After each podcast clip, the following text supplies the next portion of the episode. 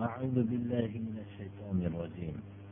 وما نرسل المرسلين إلا مبشرين ومنذرين. فمن آمن وأصلح فلا خوف عليهم ولا هم يحزنون. والذين كذبوا بآياتنا يمسهم العذاب بما كانوا يفسقون. صدق الله العظيم. alloh subhanahu va taolo mana bu risolat vazifasini ya'ni payg'ambarlarning vazifasini bayon qilyapti. Biz deydi alloh subhanahu va taolo payg'ambarlarni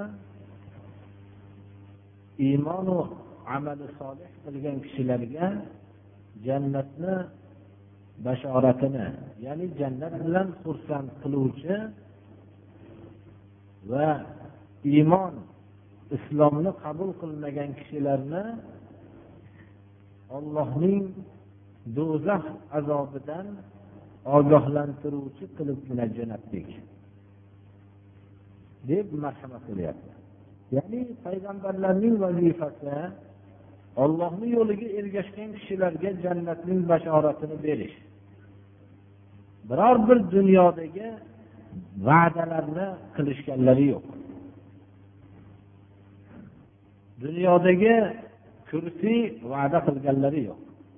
Dunyoda bir martaba va'da qilishganlari yo'q. Dunyodagi moli davlatlarni ko'payishligini va'da qilishganlari yo'q. Lekin islom yo'li qilingandan keyin u dunyoviy holatlarning saodatli bo'lishligida shak shubha yo'q edi.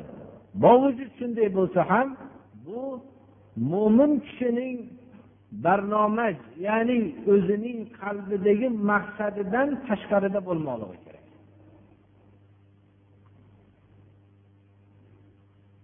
Bu yo'lni qabul qilmaganlarni ollohni azobidan ogohlantirishdilar. Mana bu payg'ambarlarning vazifasi bo'ldi.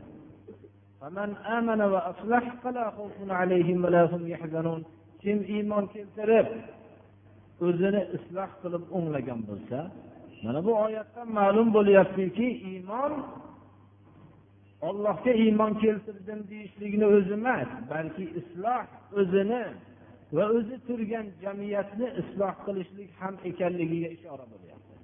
Iymon keltirib o'zini isloh qilib o'nglaganlar ularga qo'rquv ham yo'q ular g'amgin ham emaslar bu dunyoda ham qo'rquv ham yo'qdir. Ular dunyoda ham g'amgin bo'lishmaydi hali oxiratga borishliklaridan ilgari.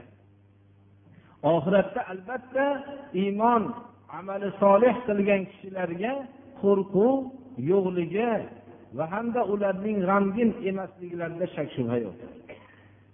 Dunyoda haqiqatda ham mo'min kishi o'zi iymon sifatiga ega bo'lsa amali solihlarni qilsa qo'rquv yo'qligini hayotida mana kuzatishligi mumkin bo'ladi. Mo'min kishini ishi qiziq dedilar rasululloh sollallohu alayhi vasallam. Kasal bo'lsa sabr qilib ajr oladi. Tandurust bo'lsa shukur qilib ajrlanadi. Kambag'al bo'lsa sabr qilib ajrlanadi. Davlatmand bo'lsa shukur qilib ajrlanadi dedilar. Ammo kofir bo'lsachi birodarlar butun hayotining hammasi zarardan boshqa emas. Shuning uchun iymonu amali solih bo'lganda insonni o'zi hali oxiratga borishligidan ilgari dunyoda undan qo'rquv yo'qoladi. Xotirjam holatga aylanadi. Hatto ammor ibn yosirni masxara qilishib ey senga muhammad nima berdi senga?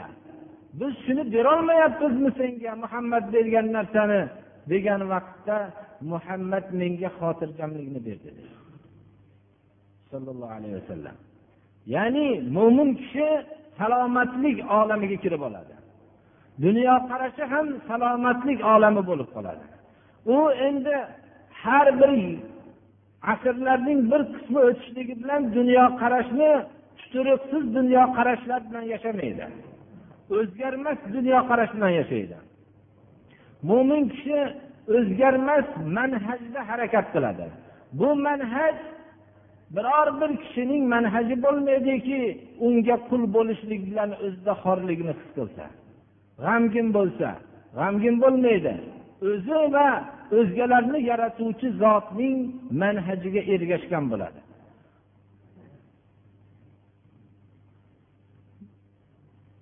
Jazoir hukumati bu fransuzlarning bir yuz yigirma yil mustamlakasi bo'lib turgan. Shu soatda haq so'zlar bilan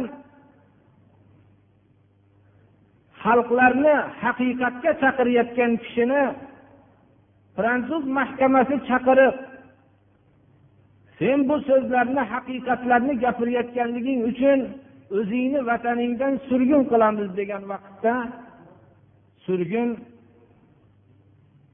rasululloh sollallohu alayhi vasallam nafyul bilod deydi arabchasiga surgun mo'min kishiga sayohat deganlar ko'rmagan o'rinlarimni ko'rib kelar ekanman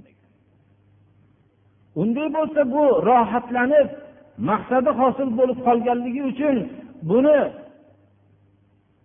zindonga tashlaymiz. Boshqalar bu qamoq hukmini qilmoqlik kerak degan vaqtda odamlar nafsga berilib ketib mening so'zim ta'sir qilmayapti o'zingni dushmanlaringni oldiga olib borganliging uchun men haqiqatni tushuntiradigan maydonga olib kirib qo'yganliging uchun minnatdorlik bildiraman. Unda buni qatl qilmoqlik kerak degan vaqtda unda ayni meni maqsadim hosil bo'ladiki dorga osilsam mo'minlarning peshvosi dorga osildi deb xalq haqiqatni shunda tushunadi. Ana mo'min odamga hayotning eng qattiq azoblari uning dunyo qarashida xotirjamlikni ifoda qiladi. Hozirgi vaqtda odamlar hayotdan bezor bo'lishdilar. Nima uchun? Ular islom yo'lini qabul qilishmagan edilar. Hayot bezorlik bo'ladigan maydonga aylanib bormoqda. Hayotda iymon keltirgan kishilar ham nuqsonlik iymon keltirganliklari uchun hayot bezor bo'ladigan maydonga aylanib bormoqda. Dinsizlar uchun bo'lsa hayot yana ham bezor bo'ladigan maydonga aylanyaptiki ular kashandalik mast qiluvchi ichimliklar bilan va kayf qiluvchi butun chekadigan narsalar bilan hayotdan bir lahza bo'lsa ham qochishlikka harakat qilishyaptilar. Bir lahza bo'lsa ham hayot tashvishlaridan esdan chiqarishlik rohat deb bilyapti. Ular qo'rquv g'amginlikni hali oxiratga borib o'zlarining ulushlarini olishlikdan ilgari dunyoda qo'rquv bilan g'amginlik bilan yashamoqda. Bunda oddiy kimsalar bilan peshvolarning hammasi barobardir birodarlar.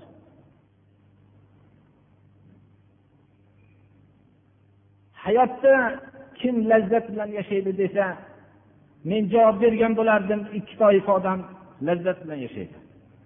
Bittasi mo'mini komil lazzat bilan yashaydi. Chunki u hayotidagi har bir ishni iymonining komilligi bilan ibodatga aylantirib oladi.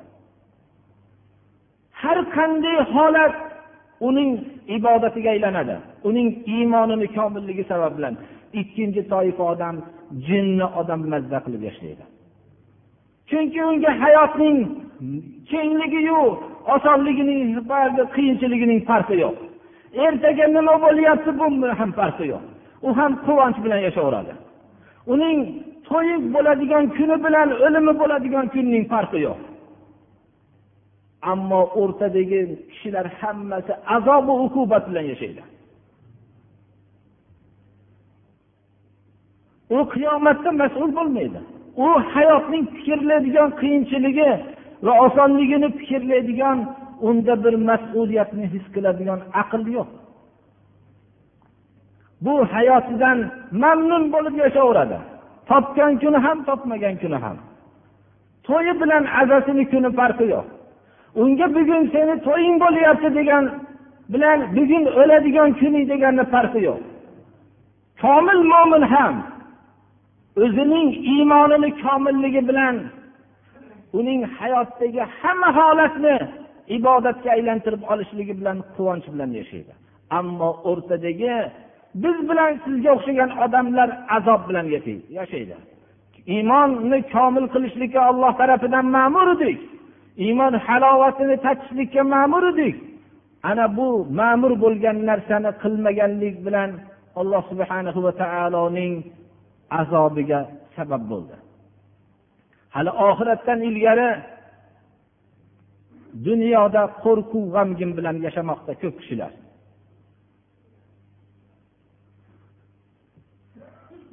Alloh subhanahu va taoloning yo'lini qabul qilmasligini komil qabul qilmasligining jazosi shudir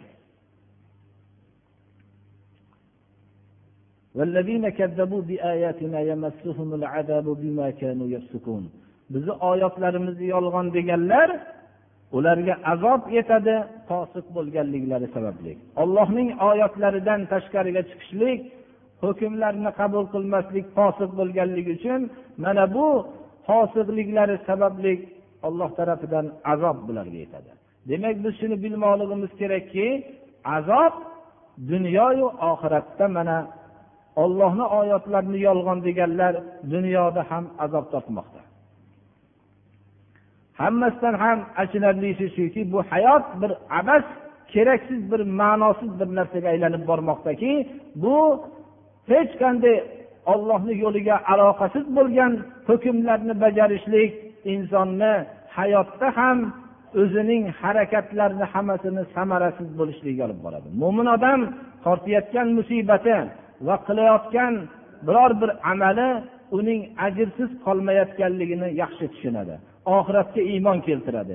Go'yoki mo'min kishining hayotini bir katta bir imorat desak uning olayotgan har bir nafasi shu imoratning bitta g'ishti desak bu nafasni bekorga ketkazmasdan tartib bilan ishlatishlik u g'ishtni olib o'rniga qo'yib yana bir poydevorni qurib g'ishtni joyiga qo'yishlikdan iboratdir. Bu imoratining g'ishti tamom bo'lganda ikkinchi imorati tayyor bo'ladida u imoratiga kirib oladi. Ammo fosiq kofirlarning hayoti bir imorat bo'lsa uni g'ishti har bittasi nafas g'ishtni ta'bir qiladigan bo'lsak uning bekor ketayotganligi u g'ishtni uloqtirilib mayda qilib tashlanganligidan farqi yo'q. Bu imorat tamom bo'lganda u yalangda qoladida tamomiy azob uqubatga duchor bo'laveradi. Shunchalik katta imkoniyatni qo'ldan boy bergan bo'ladi. Rasululloh sollallohu alayhi vasallam risolat vazifasini o'tayotganlarda mo'jizaviy narsalarni davo qilmadilar. Balki alloh subhanahu va taolo tarafidan doim inson ekanliklarini bayon qilishlikka ma'mur bo'ladilar lekin makka mushriklari doim rasululloh sollallohu alayhi vasallamdan biror mo'jizalarni talab qilishardi. Ba'zilari safo marva tog'ini tilloga aylantirib bersangiz deyishardi.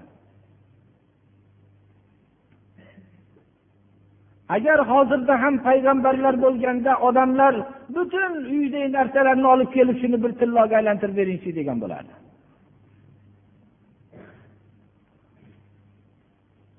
Ba'zi vaqtda safo marva tog'i bizlarga dehqonchiligimizga xalaqit beryapti shuni bir uzoqlashtirib beringchi deyishadi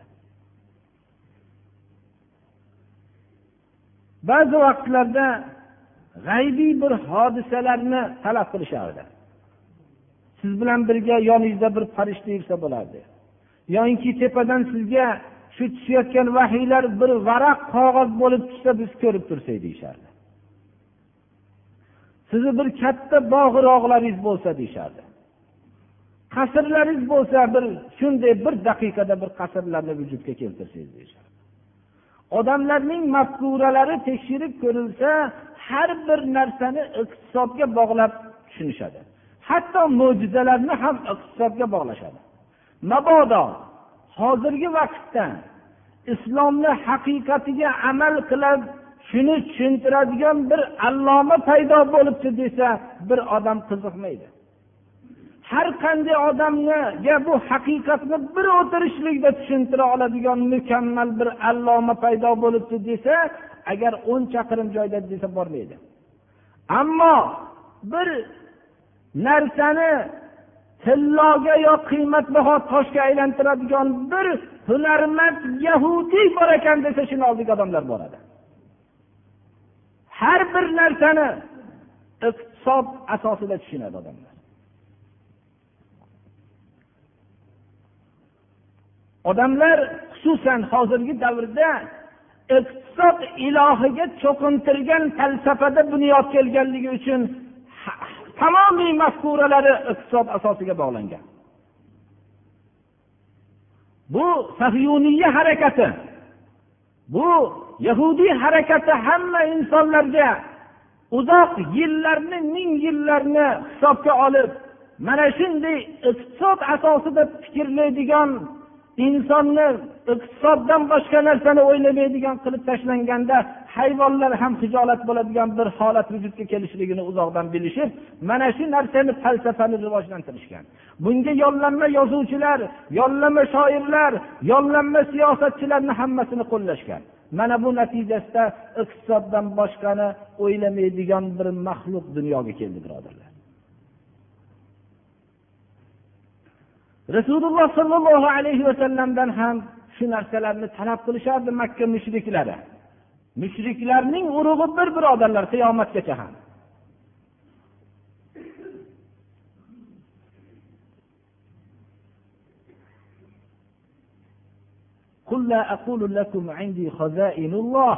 Ayting ey muhammad alayhissalom. Odamlarga ayting men siz mendan bu narsalarni talab qilyapsizlar. Safo marvani tilloga aylantirishlikni u ba'zilar safo marvani tashqariga jildirib bu yerda dehqonchilikni pul topishlikni mendan talab qilyapsizlar. Ularga aytingki men sizlarga ollohning xazinalari meni oldimda deb aytayotganim yo'q deng ularga. Men g'ayibni bilmayman deng. Men sizlarga farishtaman deb aytayotganim yo'q deng. Men farishtaman deyayotganim yo'q deng odamlarga. Rasululloh sollallohu alayhi vasallamdagi komil insonlik jamlanganligi u kishi agar men sizlardan farqli insonman desalar haqlari bor edi. U kishidagi ba'zi bir xususiyatlar men farqli insonman desa biror kishi inkor qilolmasdi lekin unday demadilar. Men sizlarga o'xshagan insonman dedilar. Meni oldimda ollohning xazinalari yo'q dedilar. Men sizlarga farishtaman deyotganim yo'q dedilar. Men g'aybni bilmayman deng deyapti. Olloh tarafidan bu kishi g'aybni bilaman deganlar yo'q bu kishi g'aybni bilmayman deb e'lon qilishlikka ma'mur bo'ldilar. Hozirgi vaqtda hayotida mustahab qilmagan odamlar g'aybni davo qilyapti.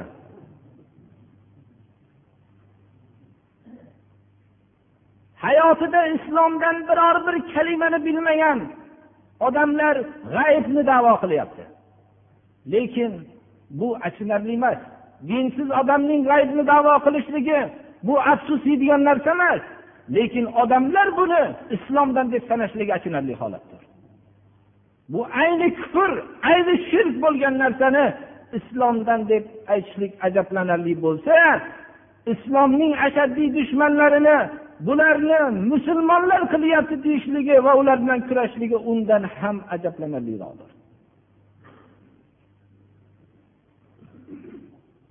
bu narsani davo qilayotganlar islomiy liboslarni kiyishlikni o'rniga g'ayridin ajnabiylarning kiyimlarini kiyganda yaxshiroq bo'lgan bo'lardi.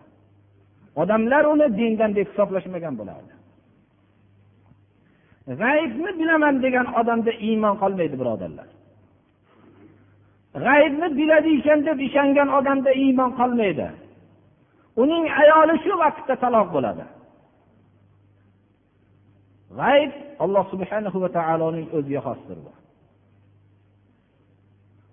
Ollohning eng ulug' payg'ambari ma'mur bo'ldiki g'aybni bilmayman deb e'lon qiling xalqlarga deyishlik.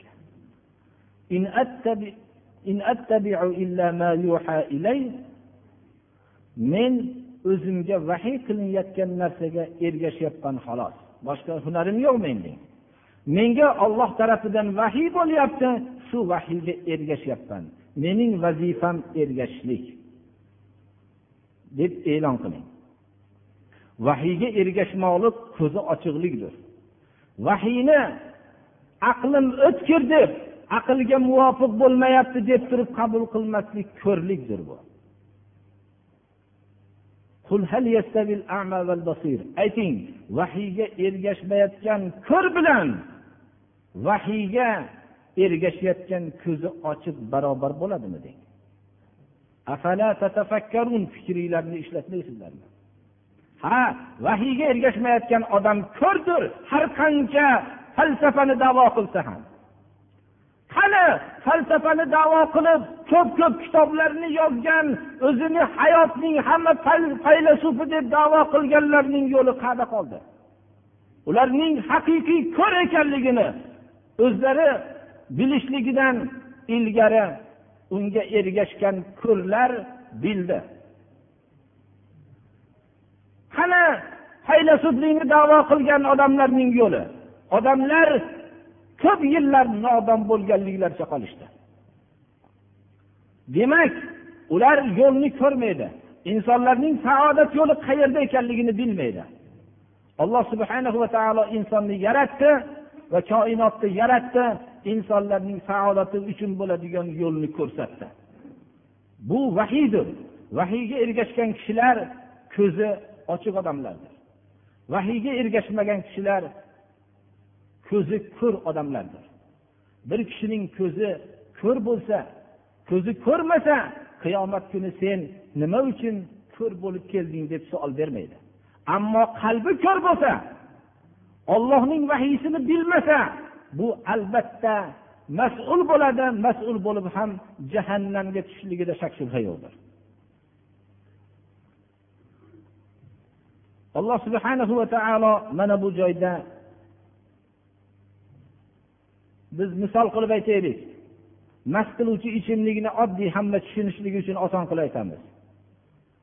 Harom ekanligini bir ming to'rt yuz yil ilgari vahiy aytgan bo'lsa buni zarari bor deb aytgan bo'lsa bundagi zararlarning bir qismini bilishlik uchun necha ming yillar kerak bo'lyapti. Va undan tashqari buni aql bilan bilishlik insoniyatni bundan qaytarishlikka kifoya qilmaydi birodarlar. Vahiy chunki insonlar so'zi insonlarga hukmron bo'la olmaydi. Alloh taolo insonning qalbida inson tarafidan sodir bo'layotgan so'zga hukmronlik ta'sirini bermadi. Alloh subhana va taoloning so'ziga fitratda hukmronlikni berdi. Agar buni olloh aytyapti deb qaytarilganda bundan insonlar qaytgan bo'lardi. Mana islom tarixidagi bu mast qiluvchi ichimlikdan qimor boshqa gunohlardan qaytishlik bunga dalil bo'la oladi. Vahiyga ergashayotgan vaqtida kishilar aqllarining baland sanab turib bu aqlga to'g'ri kelmayapti degan so'zlaridan ko'ra beaqllik yo'qdir birodarlar. Bir narsa bir kishining aqliga to'g'ri kelmasligi bilan aqlga to'g'ri kelmasligi kelib chiqmaydi. U aytsa bo'lardiki mening aqlimga to'g'ri kelmayapti deyish kerak edi aqlga to'g'ri kelmayapti degan so'zi yer kurrasidagi hamma aql menda jamlangan deyishlikdan boshqa gap emas. Bir fikr bitta odamning aqliga to'g'ri kelmasligi bilan keyingi vaqtda undan aqllilar paydo bo'ladi. Yer yuzida eng aqlli degan odam hozirgi vaqtda eng nodon bo'lib turibdi. Uning yo'li bekor bo'lib insonning badbaxt bo'lishligiga sabab bo'lib turibdi. Mana bu narsadan biz bilaylikki ko'r bilan ko'zi ochiq barobar bo'lmaydi. O'ylamaysizlarmi buni?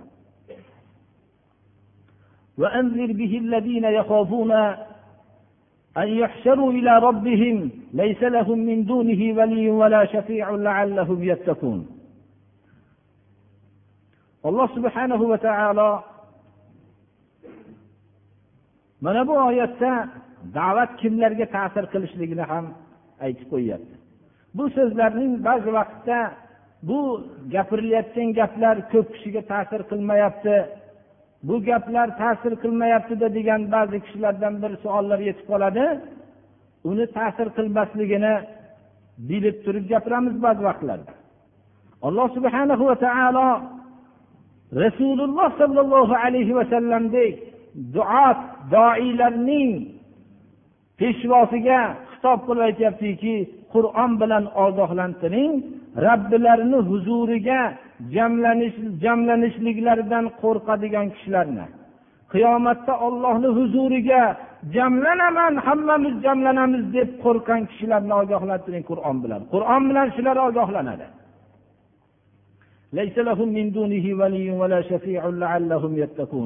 Ularga bu kunda ollohdan boshqa yordamchi do'st bo'lmaydi. Ogohlantiring shoyat bular ollohdan taqvo qilishib qo'rqishib ollohni buyruqlarini qilishib qaytargan narsalardan qaytib taqvo sifatiga ega bo'lishadi. Inson hayotda da'vat qilayotgan vaqtida o'zining tushuntirayotgan yo'lining hamma bilib shu tezroq tiklanishligini orzu qiladi. Bu har bir doini tabiatidagi g'araz maqsaddir. Rasululloh sollallohu alayhi vasallam ham inson bo'lganliklari tufayli u kishi ham islom manhajini hamma bilishligini xohlardilar. Bu manhajning tiklanib hammaning baxt saodatli bo'lishligini xohlardilar. Va shu yo'lda ko'p kattaroq kishilarning tezroq ta'sirlanishligini xohlardilar. Xuddi ham hozirgi vaqtda shu islomni katta bir kishilar tezroq ta'sirlanishsalarda shu bilan bir xalqlarga shu buyruqlar berilsa islom saodati bilan hamma saodatmand bo'lsa deb orzu qilganimizdek. Inson shu orzusi bilan bir xatarli yo'lga tushib qolishligi ham mumkin. Biz buni xatarlik ekanligini bayon qilmasak qanday bu xatar bo'ladi deb o'ylab qolinishligi ham mumkin. Rasululloh sollallohu alayhi vasallamga iymon keltirgan kishilar aksarlari faqir zaif odamlar edi. Avval islomda haq yo'lni qabul qiladiganlar birodarlar oddiy kimsalar bo'ladi. Chunki oddiy kimsalar tepa tarafdan tortayotgan zulmlarni qachon yo'qolishligini orzu qilib turganda biror bir haqiqatni tushuntirayotgan odamning panohiga yaqinlashib borishadiki shu bizni orzuyimizni ro'yobga chiqarsa kerak deydi lekin o'rnashib shaxsiy manfaatlarini ko'zlab xalqlarga zulm qilayotgan kimsalar birinchi qarshi bo'lishganlardek chunki bu haq yo'lning barpo bo'lishligida ularning soxta egallab olgan obro'lari barbod bo'lishligini boshqalardan ko'ra yaxshiroq bilishadi. Shuning uchun rasululloh sollallohu alayhi vasallamning atroflariga qullar kambag'al sahobalar iymon keltirib qabul qilishgan edilar. Ba'zi bir kishilarni mustasno qilmaganimizda mustasno qilganimizda. Ya'ni ba'zi kishilar davlatmand kishilardan ham bor edi. Misol qilib aytganimizda abu bakr roziyallohu anhu usmon roziyallohu anhu. Bu ham alloh subhanahu va taoloning hikmati ediki rasululloh sollallohu alayhi ning yo'llarini haqligini ham bildirardiki davlatmand kimsalar ham bu yo'lning haqligini bilib o'zidan ko'ra kambag'al kishi olib kelgan yo'lni qabul qilganligi yo'lning haqligiga ham dalolat qilardi. Rasululloh sollallohu alayhi vasallam bilan makka mushriklarining kattalari alohida o'tirib bir so'zlarini eshitmoqchi bo'lishardi. Lekin atroflarida turgan kambag'al kishilarni shular bilan bir safda o'tirishlikdan oriyat qilishardi. Rasululloh sollallohu alayhi vasallam orzu qilardilarki bashariy tabiatlari bilan shu katta kishilarning ham bir kelib islomni eshitishlikka bir sharoit bo'lib qolishligini orzu qiladilar.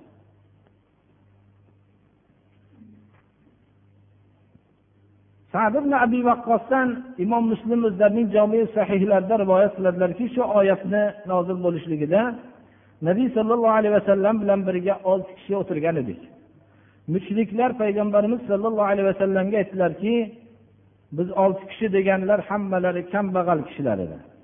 Ba'zi rivoyatlarda keltiriladi suhaybi rumiy qul edilar biloli habashiy qul edilar ammor ibn yosir qul edilar habbob ibn arat eng kambag'al sahoba edilar.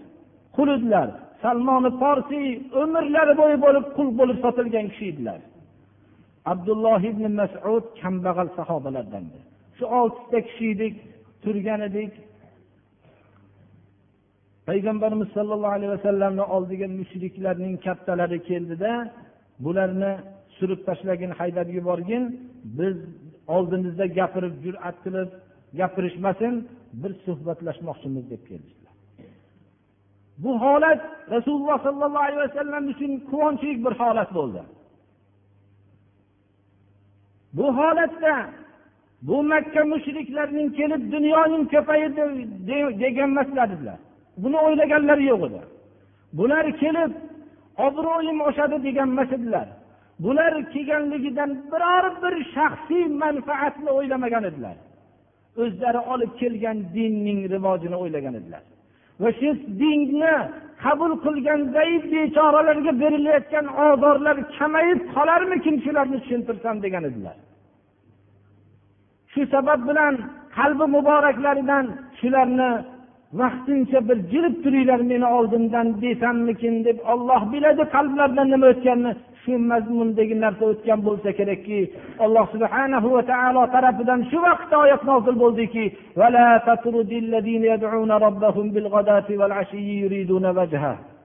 ما عليك من حسابهم من شيء وما من حسابك عليهم من شيء فتطردهم فتكون من الظالمين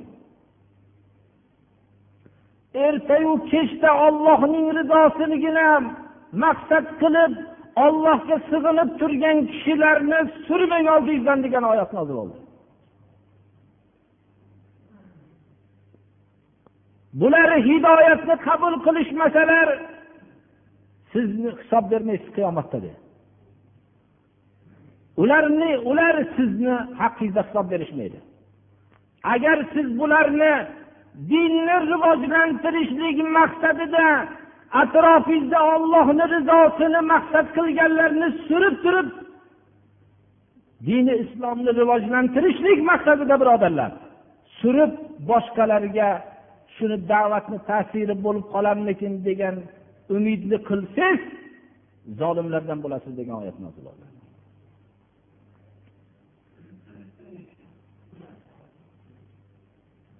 alloh subhanahu va taolo islom yo'lini o'zgarmas manhaj qilib jo'natdi. Bu manhajni tiklanishlik yo'lini ham o'zgarmas manhaj asosida bo'lishligini xohladi. Agar dinning rivojlanishligini biror kishi ollohning ko'rsatmasidan boshqacha yo'l bilan olib boradigan bo'lsa qiyomatda javobgar bo'ladi. Agar dinni manhajini o'zi buyurgandek ushlab turadigan bo'lsa agarki hayotida uning atrofiga haqni qabul qiladigan kishilar to'planmasa ham qiyomat kuni javobgar bo'lmaydi. Mana bunday tushunmoqligimiz kerak biz. Qur'oni karimning mana bu oyati rasululloh sollallohu alayhi vasallamning agar manhaj dan zarracha chiqqan vaqtlarida zolimlardan bo'lasiz deb ogohlantiryapti. Birodarlar birovni namozxon bo'lib qolishligi uchun birovni iymonga kirib qolishligi uchun birovni olim bo'lib qolishligi uchun ollohning ko'rsatmasidan tashqari harakat qiladigan bo'lsak biz islom manhajini yo'qotgan bo'lamiz. Hidoyat alloh subhana va taoloning ulushi. Da'vat yetkazishlik mo'min kishilarning ulushidir. Mo'min kishini hatto payg'ambarlarning ulushi hidoyatdan zarracha yo'qdir birodarlar. Olloh hidoyat qiladi. Payg'ambarlarni mana darsimizning avvalida aytganimizdek jannatning bashoratini beruvchi va do'zaxdan ogohlantiruvchi qilib jo'natdik deyapti.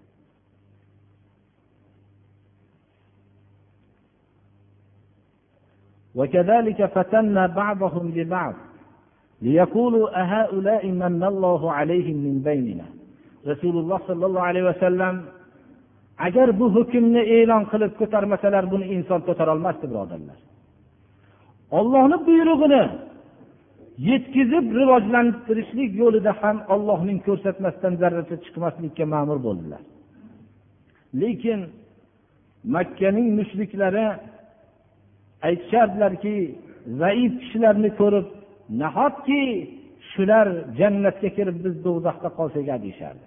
Haqiqatda ham hozirda ham shunday insonlar ko'pdir birodarlar. Oddiy kishilar aqllari oddiy lekin ollohning hukmiga bo'ysungan ko'rinishlari xunuk suratda bo'lsa ham oddiy liboslar sodda kiyimlar sodda muomalalar bular bilan ollohni hukmiga bo'ysunib yurgan kishilar juda ko'p birodarlar. Qaddi qomatlari kelishgan aql idroklari nihoyatda o'tkir. Hamma narsaga aqli yetadi oxirat haqqidan boshqa narsaning hammasini o'ylayolmaydi ollohni yo'lidan boshqa hamma narsani biladi. Dunyolari nihoyatda ko'p. Hamma narsani qilishlikka ko'p odamlarning o'zini botil yo'llariga ergashtirishlikka ham makr hiylalarga ham ega bo'lgan nihoyatda go'zal turishlari hamma muomalalari joyida bo'lgan ahli do'zaxlar ham ko'pdir birodarlar. Achinarliki shunday go'zal qomatlar shunday go'zal aqllar bilan do'zaxda kuyadi. Oddiy aql egasi oddiy kiyimlar bilan sodda hayoti bilan shunaqa bir oddiy bir aqliyu oddiy ko'rinishlari bilan ahli jannat bo'lib ketadi. Bu nihoyat darajada insonga bir alam qiladigan narsadir.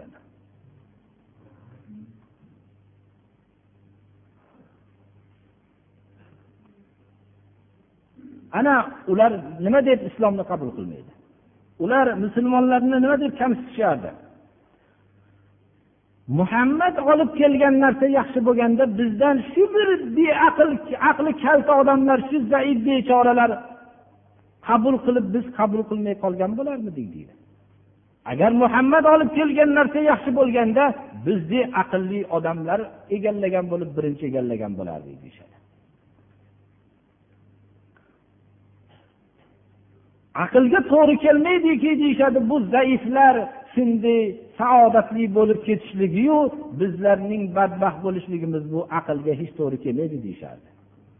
Alloh subhana va taolo buni imtihon qilgan edi. Insonga berilgan hamma narsa imtihonda edi lekin bunday aqllar bilan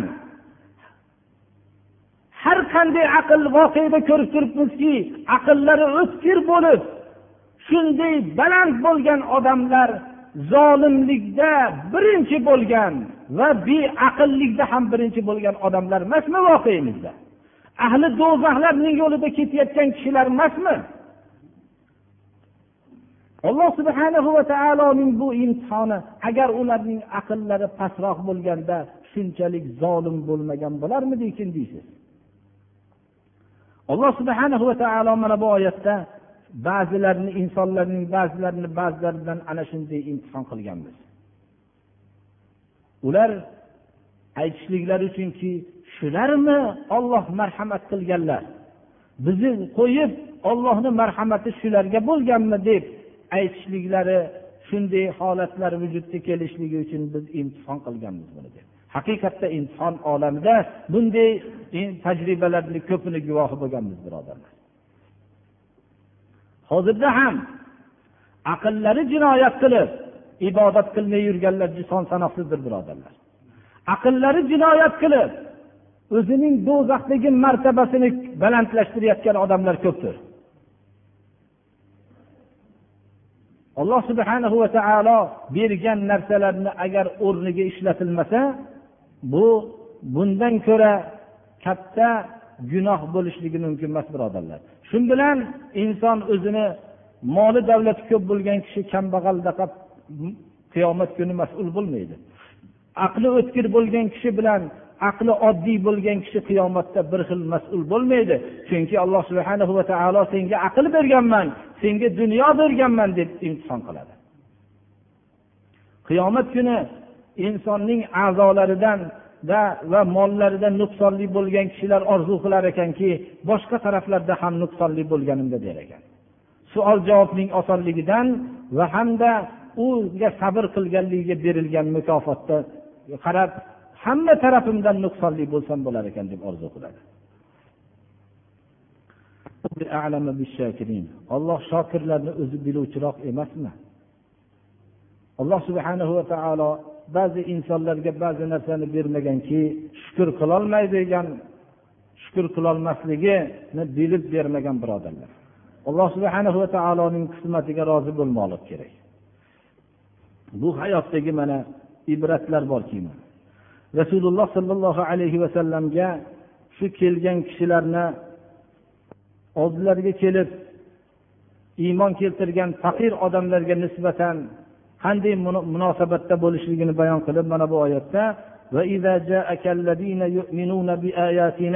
فقل سلام عليكم كتب ربكم على نفسه الرحمة أنه من عمل منكم سوءا بجهالة ثم تاب ثم تاب من بعده وأصلح فأنه غفور رحيم agar oyatlarimizga iymon keltirgan bu faqir kishilar sizning oldingizga kelsa siz ularga oldin salom bering dedi alloh taolo.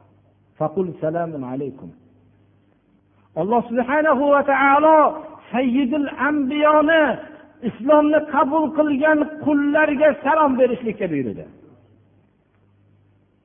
Hali mushriklarning talabi bu yerdan siz ularni haydab yuboring biz bilan suhbatlashasiz degan maqsadini ijro qilishlik u yoqda tursin bularga salom berishlikka buyurdi.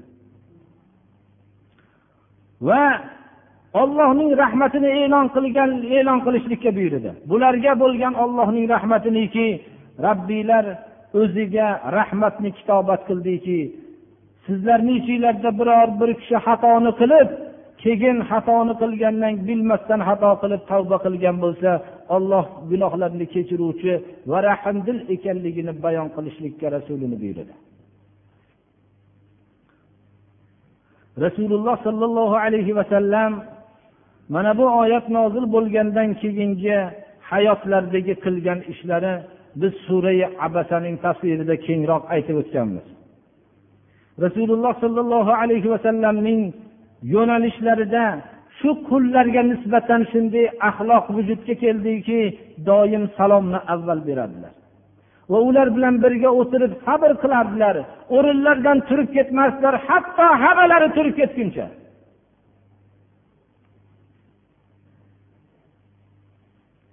Ollohning yaratgan bashariyatining ichidagi eng ulug' zot qullarga nisbatan shunday munosabatda bo'lishlikka ma'mur bo'ldi. Nima uchun islomni qabul qilgan edi? Islom keldi odamlarning o'lchaydigan tarozi tamomiy o'zgardi johiliyat davridagi tarozi boshqa bo'ldi. Johiliyat bilan boylik martaba bilan jins bilan o'lchaydigan hamma tarozilar barbod bo'ldi. Endi insonlarning taqvo sifati bilan o'lchaydigan tarozi dunyoga keldi. Mana bu tarozi qaytib islomdan boshqaning qo'liga tushmadi birodarlar. Dunyodagi hamma maslaklarni tekshiring. Hammasi o'zining jinsini ulug'laydi. Boshqa narsalar bilan o'lchaydi. U yozib qo'yilgan varaqalar yozib qo'yilgan narsalar sariq chaqaga arzimaydi birodarlar. Rasululloh sollallohu alayhi vasallamning keyingi xalifalarda ham bu shakllandi.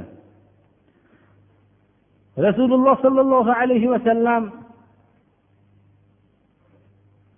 abu sufyon qurayshning eng kattasi. Islomni qabul qilgan edi keyingi davrda. Lekin keyinroq davr qilgan davrda qabul qildi fathi makkadan keyin. Bu fathi makka davrida abu sufyon islomni qabul qilgan edi.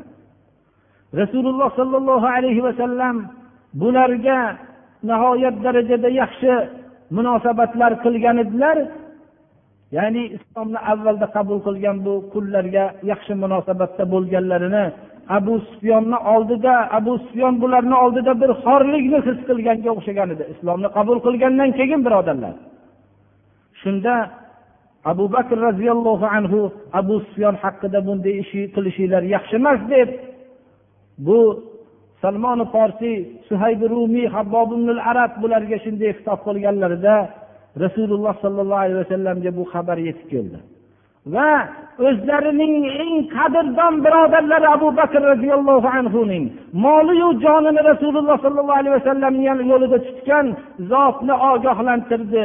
Ey abu bakr agar bu kishilarni g'azablantirgan bo'lsang robbingni g'azablantiribsan dedilar. Abu bakr roziyallohu anhu qo'rqdilarda shu qullarning oldiga bordilar islomni qabul qilgan kishilarni. Men sizlarni ollohga qasam ichib aytamanki g'azablantirdimmi dedilar. Uzr aytgani bordilar ular aytdilarki yo'q olloh gunohingizni ketsin bizni g'azablantirganingiz yo'q dedilar. Ollohga hamd aytib keldilar birodarlar.